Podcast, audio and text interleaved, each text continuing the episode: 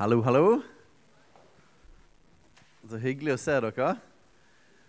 I går så, så jeg ikke så mye av fagfolk. så det har vært veldig kjekt å være hos dere. Bli mer kjent med Froland. Det er jo et vakkert sted med masse snø. Katrine, min kone som har vært her med, hun eh, måtte dra hjem i dag. Det er jo litt sånn Hun måtte gjøre morsarbeid på morsdagen. Men jeg sa det at du kan være igjen her og, og ta talen, med nei, hun ville heller hjem og sørge for at ungene kom tidlig i seng i kveld og hjelpe, hjelpe dem til skolen i morgen. Så, så derfor er jeg her. Yes. Um, jeg opplevde at uh, Den hellige ånd sa jeg skulle gi dere fire nøkler til større gjennombrudd. ikke det kjekt?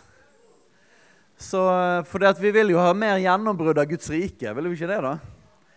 Og, uh, og nå fins det jo mye flere enn fire sånne. Men det var fire som Den hellige la på mitt hjerte, så jeg skal dele. Og jeg har veldig tro på at Gud gjør store ting i landet vårt og i vår del av verden.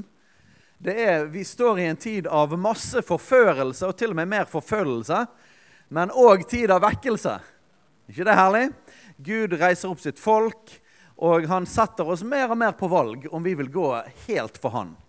Og det er det fine med å leve i litt sånn tider av litt mer, litt mer trengsel. Og til og med her på Sørlandet merker man det. gjør ikke man det? At eh, det blir mer og mer sekularisering, og sånn, og det setter oss på valg, Guds menighet. Så det er en kjempemulighet til å dra nærmere til Gud og få se enda større gjennombrudd av Guds rike. Så eh, For et år siden cirka, så var jeg en tur borte i Asbury. Noen som husker, husker det at Gud gjorde noe der borte? Og og når jeg var der, så, så opplevde jeg at Gud talte eh, om at vi er i en tid av vekkelse i Vesten. Og, og, det, og, jeg tror det bare så vidt har begynt. Og det kommer til å skje samtidig som det skjer masse fæle ting òg. Sånn er det bare. Sånn har det stort sett alltid vært, egentlig. Så, men, men, da gjelder det å, å, ha posisjonert sitt hjerte. Det gjelder å, å være på den rette retningen, sånn at vi er klar til å ta imot. Og det er at Når Gud utøser sin ånd, så er det alltid, det er alltid nåde. Det er alltid han. Det er jo hans initiativ. Det er ikke sånn at vi må dra han ned. Det er alltid han som ønsker det mest. Men så vil han ha oss med på prosessen. da. Han vil ha, ha oss med i hele, hele, pakken. Og da gjør han det på forskjellige måter. Så selv om det det er han som gjør det, det er hans nåde, det er aldri vår fortjeneste, så er det sånn at vi kan velge å være med i den prosessen eller ikke. Vi kan velge å gi respons på det Gud gjør. Så jeg har lyst til å gi sånne fire sånne her eh, nøkler som gjør at vi kan se større gjennombrudd av Guds rike. Og vi har Ved Guds enorme godhet og nåde hjemme hos oss i menigheten så har vi det siste året fått oppleve at Gud har gjort mer og mer. Det er fantastisk. Så vi opplever et større kan vi si, et, et, et, et eh, høyere eh, Hva er det pleier å kalle det? Sånn når elven blir større. Ja, nivået. Nei, det var et annet ord jeg lette etter. Vannstand var ordet. det var noen sa det. En høyere vannstand. For dere husker historien sant, med Esekiel, med denne elven som kom ut fra Guds trone. Sant? Og, så, og så fikk eh, Esekiel vasse lenger og lenger, lenger ut. Og Vi har fått oppleve en sånn høyere vannstand av Guds nærvær. Og når mer av Hans rike kommer, mer av Hans nærvær kommer, så skjer det mer av alle de tingene som vi lengter etter. Alt i Guds rike begynner bare, det bare øker. Og Det har vi fått oppleve. Og, og det som har gledet meg aller, aller mest, er at vi har fått, uh, fått oppleve flere enn noen gang i, i, vår historie som menighet. Og flere som har blitt frelst enn noen gang. Og som har blitt en del av menigheten og blir disipler. For det er det lengter vi etter. sant? Ikke bare folk som ber en bønn eller rekker opp en hånd, men folk som blir etterfølgere av Jesus. Overgir seg til Jesus, blir døpt i vann, døpt i Den hellige ånd, blir disipler av Jesus og begynner å brenne for han. Og Det har vi fått se mer og mer, og det er helt fantastisk. Og så Gjennom dette så har vi fått lov til å lære noen, noen ting av Guds rike. Jeg har veldig tro på det. At uh, vi trenger egentlig ikke så veldig mye ny åpenbaring, egentlig. Det, det fins allerede der. Og vi har vært i en tid i Vesten der det har vært gode ting med det, og jeg forstår hvorfor det har skjedd, men vi har, det har vært et fokus veldig på å være kule kristne. Å være veldig relevante. Og ha veldig kule bygninger og, og snakke liksom veldig sånn relevant. Og det har vært veldig mye fokus på form sånn, de siste 15-20 årene. Og, og, vi har liksom blitt liksom en kulere versjon av oss sjøl, prøvd å kutte ut en del kanonspråk og tenkt at det er nøkkelen til vekkelse. Men jeg tror det at eh, alle de tingene der det kan være grei finpuss og, og, og, og litt. Men i verste fall så kan det jo gå så langt i å være relevant at du rett og slett tar vekk Kristi, anstøtet i Kristi kors. Og du mister hele eh, kraften i evangeliet, og du slipper ikke til Den hellige ånd fordi at man er mer redd for mennesker enn, enn for Gud. Så, men har vært, vi har gått så langt i det at eh, jeg opplever at Den hellige ånd nå peker på og åpenbarer på nytt og løfter opp veldig gammeldagse kristne sannheter. Og at vi trenger å kose støv av de og si at det er fortsatt det gamle evangeliet. Det er fortsatt god, gammeldags kristendom fra Det nye testamentet som har kraft til å forandre liv, og som vi kommer til å se bryte gjennom. Vi kommer til å se større gjennombrudd av Guds rike. Så dette her, de tingene som kommer, det er ikke noe ny, ny lære eller ny åpenbaring. Det er gode, gamle ting. Men, eh, men, jeg tror Den hellige ånd har lyst til å vekke disse tingene opp. Og løfte det opp og åpenbare det enda mer for oss. Så den første, det er Vi kan gå til det i et ord. I Jesaja. Og Dette er et eh, bibelord som du i fall det første, har sikkert hørt mange mange ganger. Men jeg opplevde det også dette, dette året når Gud har begynt å gjøre mer og mer rundt omkring i, i Vesten, i Europa og rundt omkring i Norge. Mange steder har det begynt å Det har ikke bare vært på Vigeland. Vi har opplevd ting har skjedd, men det er også på kristne internatskoler. har sett flere steder. Er, det er sånne små drypp og tendenser til at, til at det blir større utøselse av Den hellige ånd. Og Jeg opplevde at Gud ga meg dette ordet her i forhold til denne tiden som vi er i. Og det er Jesaja 43.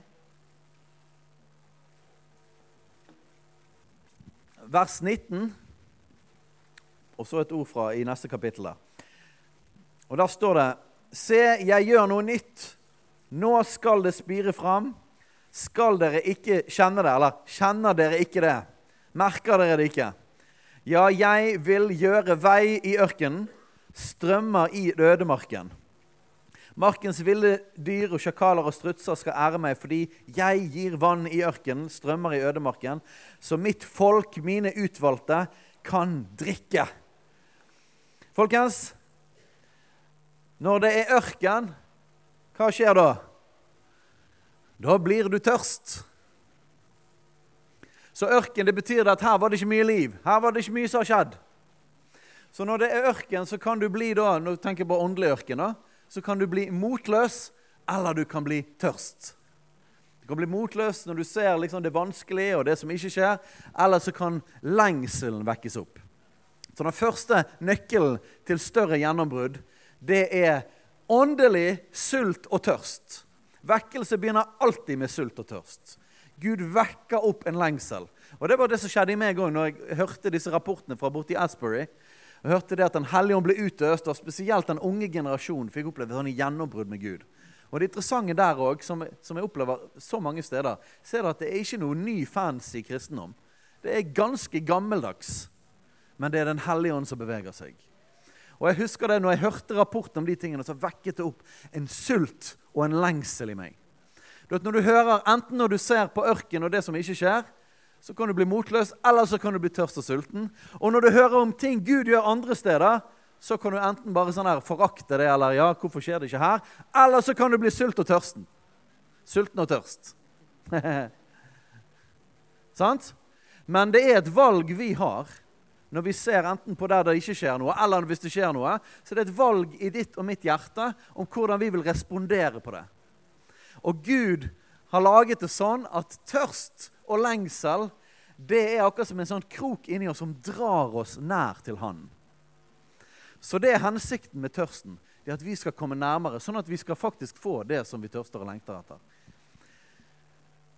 Sånn at mitt folk, mine utvalgte, kan drikke. Det er jo poenget med tørsten. At det drar oss mot der vi kan få drikke.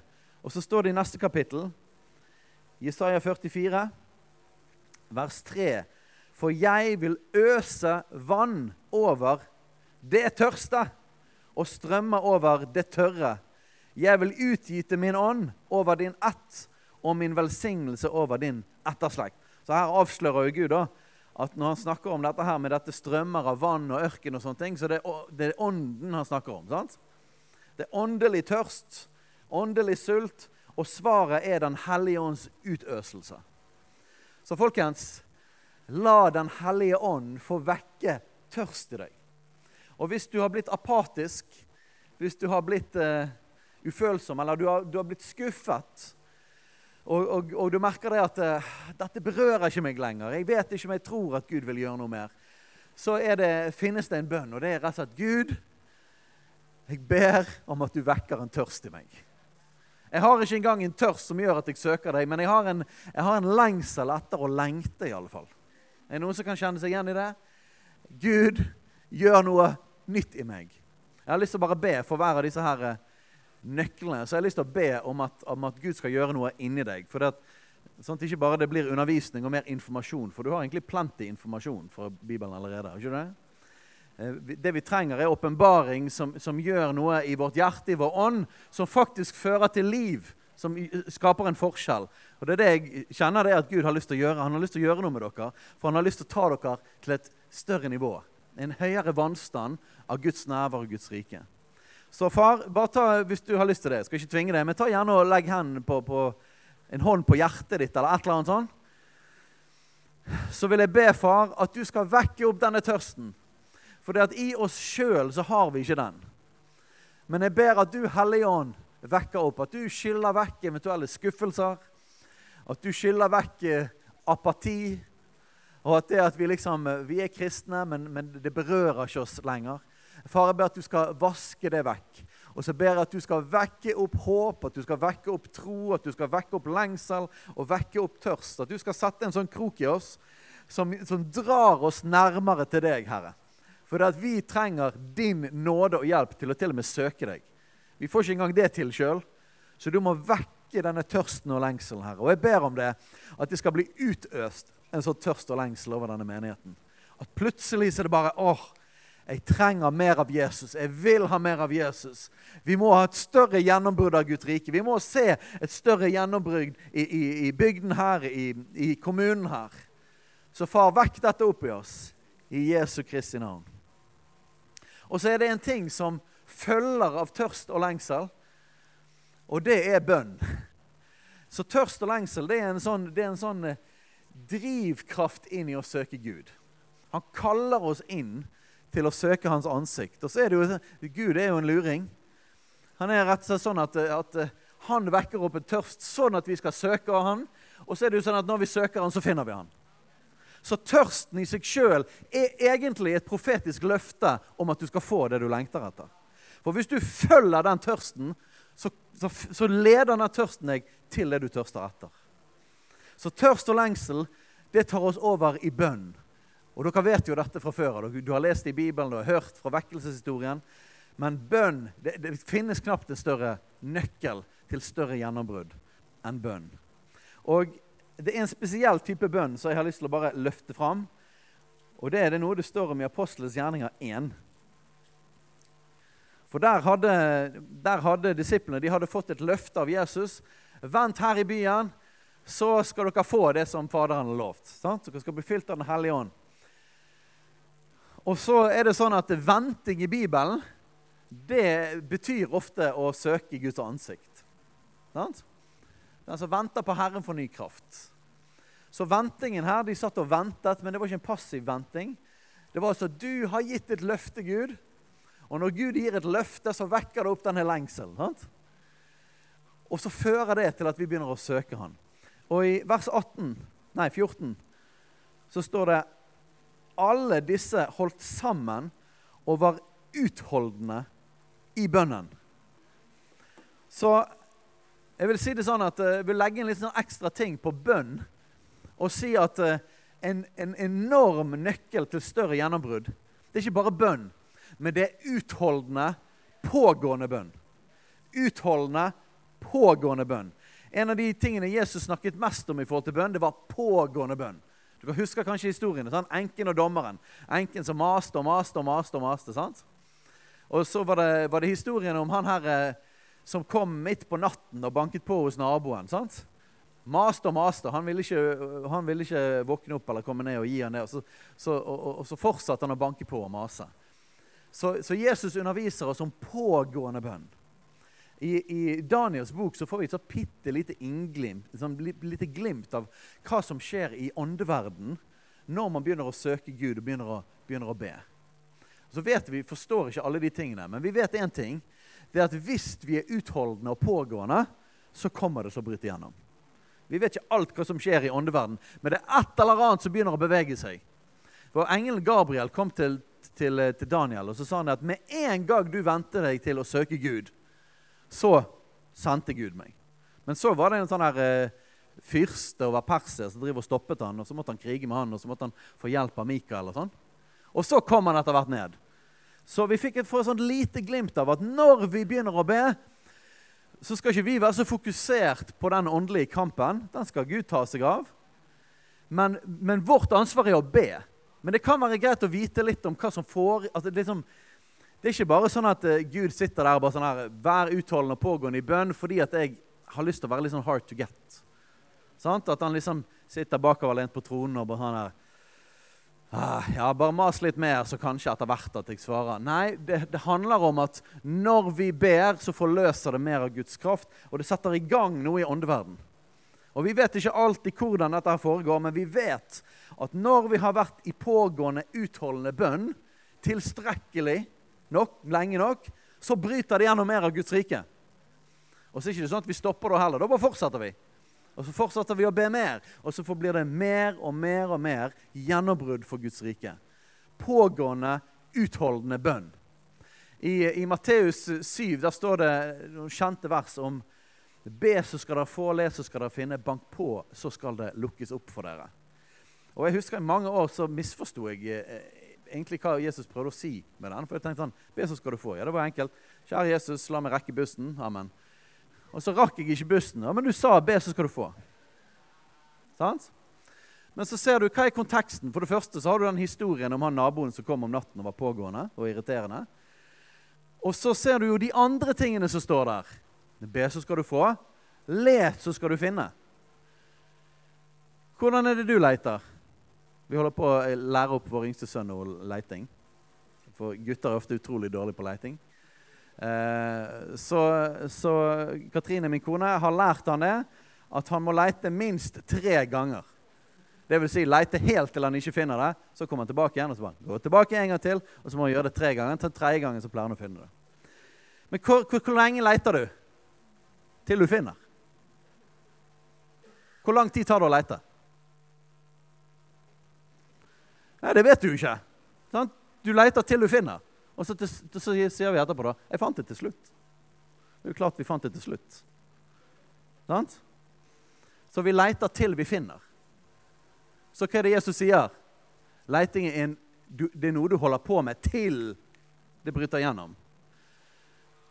Og hva er den neste biten, da? Bank på, så skal det lukkes opp for dere. Han sier ikke 'bank på'. Og bare 'Nei, det kom ingen. Jeg gir opp'. Det er ikke det Jesus prøver å si. Han sier 'bank på'. Hvor lenge skal du banke på? Til det blir lukket opp. Bank på til det blir lukket opp. Så hva bønn er det Jesus snakker om? Han snakker om pågående, utholdende bønn. Hvorfor er utholdenhet viktig? Nei, det er fordi at Hvis vi ikke har utholdenhet, så slutter vi før gjennombruddet. Da banker vi på en stund, og så slutter vi, og så blir det ikke lukket opp. Vi leter en periode, og så Nei, det funker ikke. Jeg slutter å lete. Nei, men da finner du ikke, da. Så det er et veldig irriterende løfte, egentlig. For det at Jesus sier basically hvis du ber helt til du får, da får du. Det er det han sier. så det betyr be og ikke gi opp. For hvis du gir opp, så kommer du ikke nødvendigvis til å se gjennombruddet. Men hvis du fortsetter å be, så kommer du til å bryte gjennom. Det er løftet. Men han gir ingen tidsgreie på det. Er det noen som har prøvd å spørre Gud noen gang om det der med tid? Er, han er veldig dårlig på å svare det. Hvor lenge skal jeg holde på? Jeg elsker deg. Hvorfor skjer det ingenting? Du er min sønn. Han svarer ikke på de spørsmålene. Sant? Jeg har lyst til å gi opp. Bare fortsett. Så utholdende, pågående bønn. Så jeg vet at dere ber, men lengsel og tørst det driver oss inn i en annen type bønn. Eh, hos oss, og det må ikke se sånn ut hos dere, eh, men hos oss så, så sa Gud det at vi skulle ha bønn og lovsang hver dag i lokalet vårt. Sånn at det hver eneste dag stiger opp bønn og lovsang. Og at vi skulle minne Gud hele tiden. Og jeg vet at det var en enorm viktig ting for å se et gjennombrudd. Og etter vi hadde holdt på med det ca. et år hver dag, og bare trofast, bare søke Gud Gud, grip inn! Kom mer! Større gjennombrudd. Så plutselig, en søndag, så kom det to rare karer inn på møtet. Og man så det at de her var ikke vant med å være i kirken. Og så sier de det at vi har blitt frelst helt sånn på egen hånd. Jeg kjente ingen kristne, jeg har ikke vært nærheten av noen kristne. Bare Jesus har bare møtt dem. Og så møtte de hverandre på en fest. Og bare 'Du, tror du på Jesus?' Jeg har tro på Jesus.' Og så har de prøvd å liksom, disippelgjøre hverandre, og så sier Jesus til dem 'Dere må trenge å finne dere en menighet.' Ok, Og så går det der Gud leder, og så bare dukket de opp en søndag. Og med en gang de kom, så hørte en hellige si 'Dette er pga. pågående bønn'. Og etter de var kommet inn, og vi har fått døpe de, og de har blitt disippelgjort, så blir datteren til han ene av de frelst. Hun er kommet inn, blitt døpt, blitt disippelgjort. Hun er frimodig og vitner. Eh, og så kom en venninne av hun, eh, en venninne av de som, som, tok imot Jesus. Jesus bare møtte henne hjemme på rommet. Hun kom inn, og Gud jobba med, med, kjæresten hennes. Og, og, så er det et helt miljø plutselig som bare blir mer og mer berørt. Og han ene av de som ble frelst der, han, han driver og går ut på gaten og, eh, og forkynner evangeliet. Og har nå bare det siste året han, han ute døpt fire stykker. Eh, og alt dette skjedde bare bips, kom de inn. Og Den hellige sa dette pga. pågående bønn. Så folkens, la bønnetrykket øke. Det vil si, du må ikke.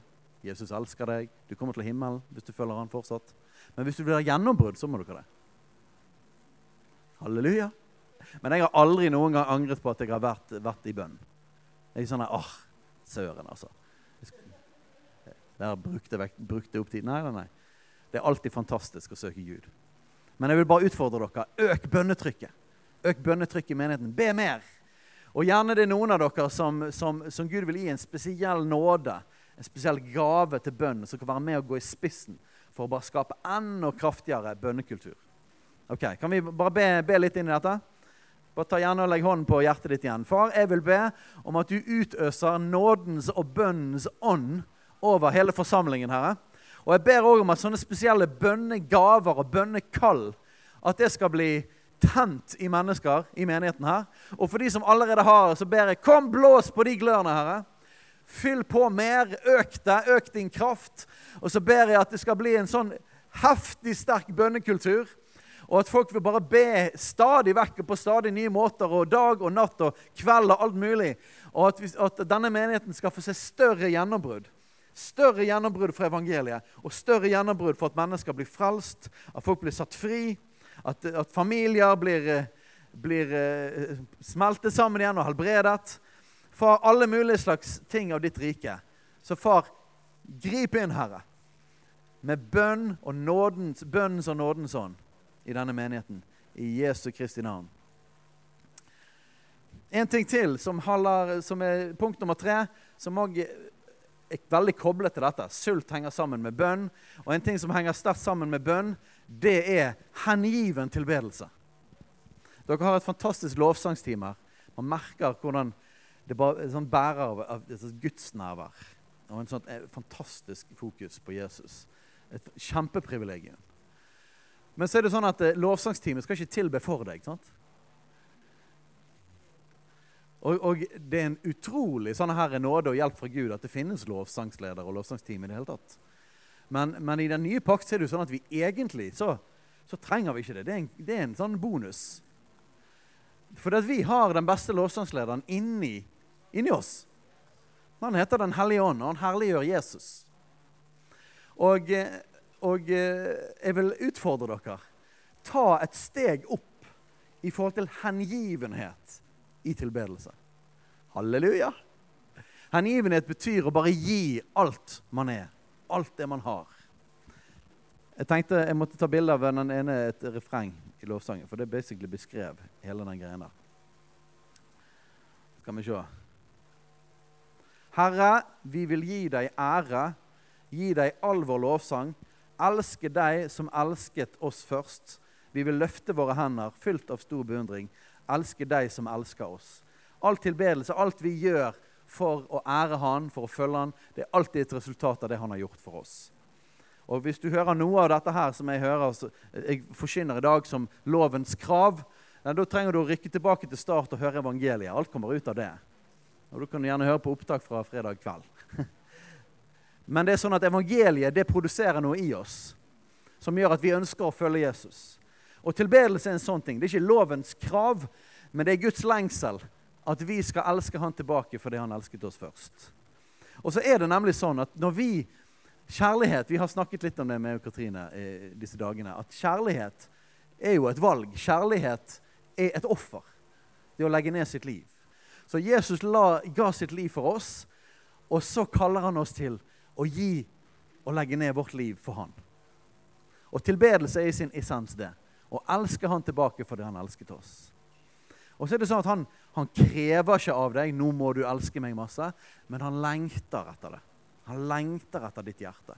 Han lengter etter at du ikke skal holde tilbake, men gi han tilbake alt det du har. Og det er nemlig sånn at uh, det å overgi seg til han og det å tilbe han, det er et valg. David han sa det på den måten. Han sa det 'Min sjel, lov Herren'. Så han talte til sin sjel. Sier, nå må du nå må du prise Gud. Og, eh, så jeg har tro på at vi skal være ledet av Ånden og drevet av Ånden i vår tilbedelse. Ikke ut av følelsene våre. Det fins noen som har mikset de to. Og tenker å være drevet av ånd er å være drevet av følelser. Nei, det er ikke det. Den hellige ånd som bor i deg, han tilber alltid. Han opphøyer Jesus alltid. Det mest naturlige for en som er født på ny og fylt av Den hellige ånd, er å prise Jesus. Faktisk så ser vi det mange ganger i Apostelens gjerninger at når de blir døpt i Den hellige ånd, så begynte de å lovprise Jesus. Sånn? Så det bor det mest ekte du kan gjøre, det å tilbe Jesus, selv om du ikke føler det. Hvis du tenker at du må føle det for at det skal være ekte, så tenker du at følelsen er det mest ekte. Men det er ikke det. Halleluja. Så jeg vil, jeg vil oppmuntre deg, og kanskje du aldri har tenkt på dette før, eller aldri hørt om det før. Men jeg tror ikke dette med hengiven tilbedelse bare handler om en eller annen menighetskultur. For dette jeg har lest nemlig i Johannes' åpenbaring. Og der står det at vi alle sammen skal stå foran Gud. Og vi skal prise Gud så heftig at det høres ut som veldige drønn og vannmasser.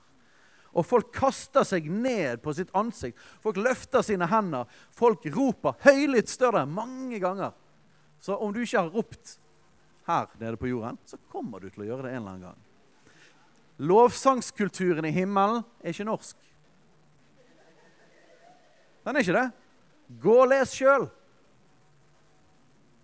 Hengiven tilbedelse. Ikke bare er det en fantastisk respons på hans kjærlighet til oss, men så er det sånn at vi klarer aldri å gi han mer enn han gir. Så vi tilber for det han først ga til oss. sant? Men så når vi gir tilbake igjen, så søren heller, så bare gir han oss enda mer. Hæ? Det er helt utrolig. Så når vi gir han ære, så bare kommer han med mer av sin nåde, mer av sin kraft og mer av sitt nærvær. Guds ild faller på offer. Gi han et kjærlighetsoffer, frukt av lepper som priser hans navn. Og det er faktisk et valg vi tar. Og det har ikke med vår personlighet å gjøre. Faktisk er det sånn at Hvis din personlighet syns det er enda vanskeligere, ja, da er det et enda offer og et enda større tegn på din kjærlighet. Og Gud vil lønne deg for det. Så overgi deg til Han. Bruk kroppen din. Vi er ikke bare en ånd. Vi er ikke bare følelser. Gi han alt sammen. Gi han fokus i tankelivet. Gi han kroppen din. Gi han armene dine, munnen din. Gi han sangen din. Halleluja. Jeg ser at det knaker i litt hode. Dans, ja, selvfølgelig. Og Bibelen er full av disse tingene. Det er veldig lite sånn norske lovsangsuttrykk. Har dere, har dere satt det Det står én gang i Bibelen om å be stille, og det er lov, altså. Jeg ber stille. Men bare sånn for å få litt sånn, komme litt ut av norskheten og litt sånn, bli litt mer preget av Bibelen, så var det en dame en gang som ba stille. Og da ble presten Eli bekymret og tenkte at hun måtte være full. Husker du denne historien? Og bare, What? Hva som skjer her? Noen som ber stille. Så, så, kulturen på bønn og lovsang i Bibelen er veldig ekspressiv. Så la oss gi han alt. Han gav alt for oss. La oss gi han kroppen vår, la oss gi han stemmen vår. Og så er det faktisk sånn at Jeg tror at dette er en enorm nøkkel for større gjennombrudd. For når vi hengivent gir han alt og tilber han, så klarer ikke han å holde seg unna med mer av sitt nærvær og sin kraft. Det skjer noen enorme gjennombrudd bare av hengiven tilbedelse. La oss ta en, en bibelhistorie på det. Og det er fra Oi, oi, oi. Det er oppmuntrende, dette, altså. Apostelens gjerninger, kapittel 16. Så jeg bare har lyst til å gi deg den historien. sånn at Hvis du en eller annen gang kommer, og det er møte, og så skal det være lovsang, og så føler du ikke for å tilbe Gud, så kan du for det første huske det at du kan si til din sjel 'Min sjel, lov Herre'. Du kan bestemme det. For vi er ikke følelsesstyrt. Vi er drevet av Ånden, og det er ikke det samme. Og Det vet du jo. Fikk lyst til å snakke mer om det. Altså. Men du vet jo det. At å være drevet av dine følelser er ikke det samme som å være drevet av Ånden. For dine følelser ville dra deg mange steder som ikke Ånden vil dra deg mange ganger. Sant? Så å være drevet av Ånden betyr alltid at du vil tilbe, faktisk. Jeg har aldri, jeg har aldri noen gang opplevd at Den hellige ånd bare sånn Nei, ikke tilbe Gud. Dårlig tid for å tilbe Gud. Jeg har aldri opplevd det. Så, kan du huske denne historien òg, da. 1625. Her er jo da Paulus og Silas de er satt i fengsel. Fordi de kastet ut en ond ånd av en spå, spådame. Og så står det Men ved midnattstid holdt Paulus og Silas bønn og sang lovsanger til Gud, og fangene hørte på dem. Da kom det med ett et sterkt jordskjelv, så fengselets grunnvoller ristet, og straks sprang alle dørene opp, og lenkene falt av alle fangene. Dette her var ikke et vanlig jordskjelv. For vanlig jordskjelv så er det mer sannsynlig at de hadde alle sammen dødd. eller annet. Det er iallfall ikke sånn at når jordskjelv kommer, så bare går dørene opp, og alle lenkene faller av, og så plutselig vil folk bli frelst. Sånn? Så dette var et sånn Helligånd-jordskjelv, så det står om flere, flere, ganger. Ja, Nå glemte jeg å ta den, da, men jeg, jeg kan jo si den nå. da, på, på, dette med utholdende bønn. I Apostels gjerninger 4. Jeg elsker det, det, stedet der. Der står det at når forfølgelser hadde, hadde begynt, og de ble truet til å ikke forkynne Jesus, og så samlet de seg sammen med menigheten og så begynte de å be i en akkord. De begynte å be sammen i menigheten. Og så, og så ba de om mer frimodighet. sant? De ba, om, de ba om at mer av det som hadde gjort at de kom i trøbbel. Så Jesus gir oss mer frimodighet. Gud gir oss mer frimodighet. Og rekk ut din hånd, så helbredelse tegner under skjer. Ved din hellige tjener Jesu navn. Og da de hadde bedt, skalv stedet der de var samlet, og de ble alle fylt med Den hellige ånd. Så utholdende, pågående bønn fører til gjennombrudd og større utøselser av Den hellige ånd. Og dette var de samme folkene som hadde vært på pinsedag. Men så ser vi det at til og med den vekkelsen som begynte på pinsedag, når vi kom til kapittel 4, så ser du at det blir en økning. Og i kapittel 5 og videre så er det enda større gjennombrudd av Guds rike. Så pågående, samstemmig bønn fører til en utøvelse av Den hellige ånd. Så kom det et jordskjelv, og Den hellige ånd falt. Og her igjen så ser vi at det er et jordskjelv.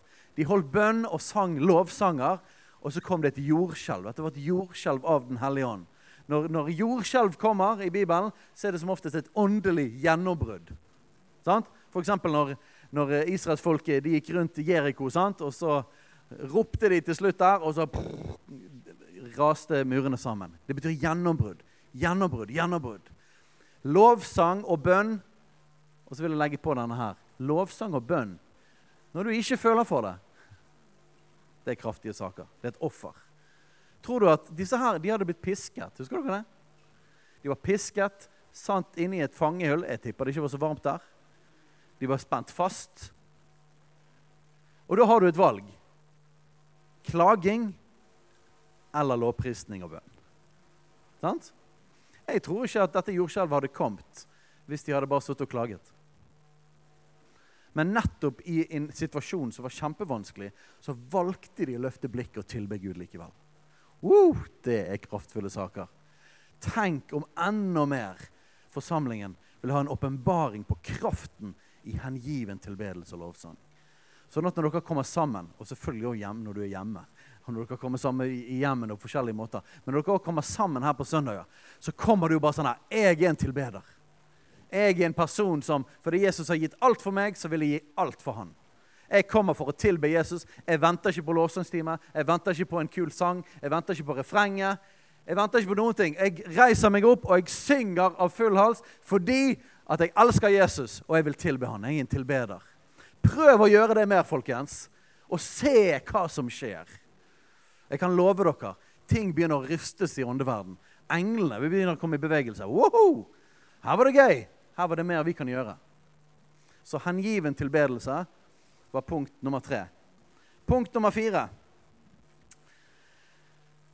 Et klart og tydelig evangelium. Oi, oi, oi. Jeg brenner for dette, altså. Hvor lang tid har vi igjen, eh, Vidar? Jeg har brukt opp tiden for lenge siden, kanskje? Nei da. hva skal han si når jeg spør om det offentlig? Nei, kom ned det med en gang. Ja, vi tar siste punktet. Et tydelig og klart evangelium. Jeg, jeg, eh, jeg tror fortsatt på at det gamle evangeliet er fortsatt fullt av kraft. Rett og slett. Vi trenger ikke å pynte på det heller. Og det er to sider av evangeliet som begge er enormt viktige å forkynne i sin helhet. Og Her er det litt forskjellig hvor folk er henne. Noen folk som enten du har vokst opp som kristen, du fortsatt er kristen, eh, eller at du kanskje har vært brent av liksom religion og sånne ting som det der, da vil du som oftest være, være, litt touchy i forhold til en tydelig forkynnelse av synd og omvendelse. Sant? Og, og, veldig ofte folk som har vært kjent på mye religion eller strev, eller de tingene der, eller har et bilde av Gud som en veldig en, en streng Gud, men ikke har sett nåden, de trenger å høre masse av Guds kjærlighet, masse av Guds nåde. Masse av at Gud gjenoppretter tar imot alle. Sant? Det er fantastisk. Vi alle trenger det. Men spesielt hvis du er liksom du vet veldig godt at du har syndet og ikke får det til. Da trenger du å høre masse om nåden. Men så finnes det òg en annen kategori, og det er viktig for oss kristne å vite om. Og spesielt i sekulariseringen som er nå. Det er ikke sånn at de fleste i Norge nå er lei av religion. De har ikke noe forhold til det i det hele tatt. De fleste i Norge har ikke vokst opp med en kristendom av masse fordømmelse og krav. De fleste er vokst opp med lovløshet. Så vi trenger å switche om i hodet og skjønne det at eh, om du er vokst opp med religion og trenger bare høre om Guds Faderens kjærlighet hele tiden, og det trenger vi, så er ikke det sikkert at alle der ute vil respondere på samme måte. For at lovløshet har også begynt å snike seg inn i Guds, i Guds menighet. Men det som er så fantastisk, er at vi trenger ikke å velge enten-eller. For korset har begge deler i seg. I korset så møtes alvorligheten i synd og Guds dom over synd møter Guds enorme nåde og kjærlighet. ikke det fantastisk? For uten synden og uten alvorligheten i synd, så hadde jo ikke Jesus trengt å dø. Sant? Korset har ingen mening hvis det ikke er synd. Og hele poenget med å bare konfrontere synd, det er å ta oss til et sted av erkjennelse og innrømmelse at 'jeg trenger deg, Jesus'. Og Hvis vi allerede er det, og vi vet veldig godt at vi trenger Jesus, ja, da trenger vi òg og mest å høre at Jesus han har tilgitt all synd gjennom korset. Og han har vunnet over, seiret over døden. Han har seiret over, over, over alt det onde. Og Faderen elsker oss, og drivkraften bak hele korset er det at Gud elsker oss. Men vi trenger å forkynne hele evangeliet. Og hvis vi forkynner hele pakken, så trenger ikke du å tenke så mye på om, om, om den, hvor den eller den eller den er. Vi trenger hele evangeliet. Og vi trenger i Norge i dag, i 2024, og, og å få stor frimodighet på å forkynne det gammeldagse evangeliet. Og det har kraft til å frelse. Vi har opplevd mange i det siste hos oss. Jo mer sekulært folk har begynt å bli rundt oss, jo mer merker jeg at folk responderer på tydelighet på synd. For folk er lei av hedonisme. De er drittlei av det. De er lei av rammeløsheten og søker at det er noe som er fast og noe som er tydelig. Og de merker jo det at uansett jo jeg har hatt frihet til å gjøre hva jeg vil, Men jeg får jo ikke noe glede av det likevel. Så lengter de etter tydelighet på synd. Vi har opplevd flere de siste, Jeg har snakket med to stykker den siste uken som, som har kommet til tro og kommet til, kom til menigheten fordi at de hørte tydelighet på Guds ord. De bare sånn Endelig noen som snakker tydelig. Og så Samtidig så vet vi at det finnes andre som er veldig klar over at de ikke får det til. Og de trenger å høre masse masse, masse om Guds nåde. Men la oss, la oss forsyne hele evangeliet, folkens. Hele evangeliet. Jesu død og hans oppstandelse. Og la oss ikke skamme oss av evangeliet. Og så er det én ting som vi trenger å få inn etter alle disse årene der vi mer og mer i Vesten har vi prøvd å bli litt sånn kule og populære kristne. At folk skal like oss. Husk det, folkens, at korset er alltid et anstøt. Og det skal være det. Ikke ta vekk korsets anstøt.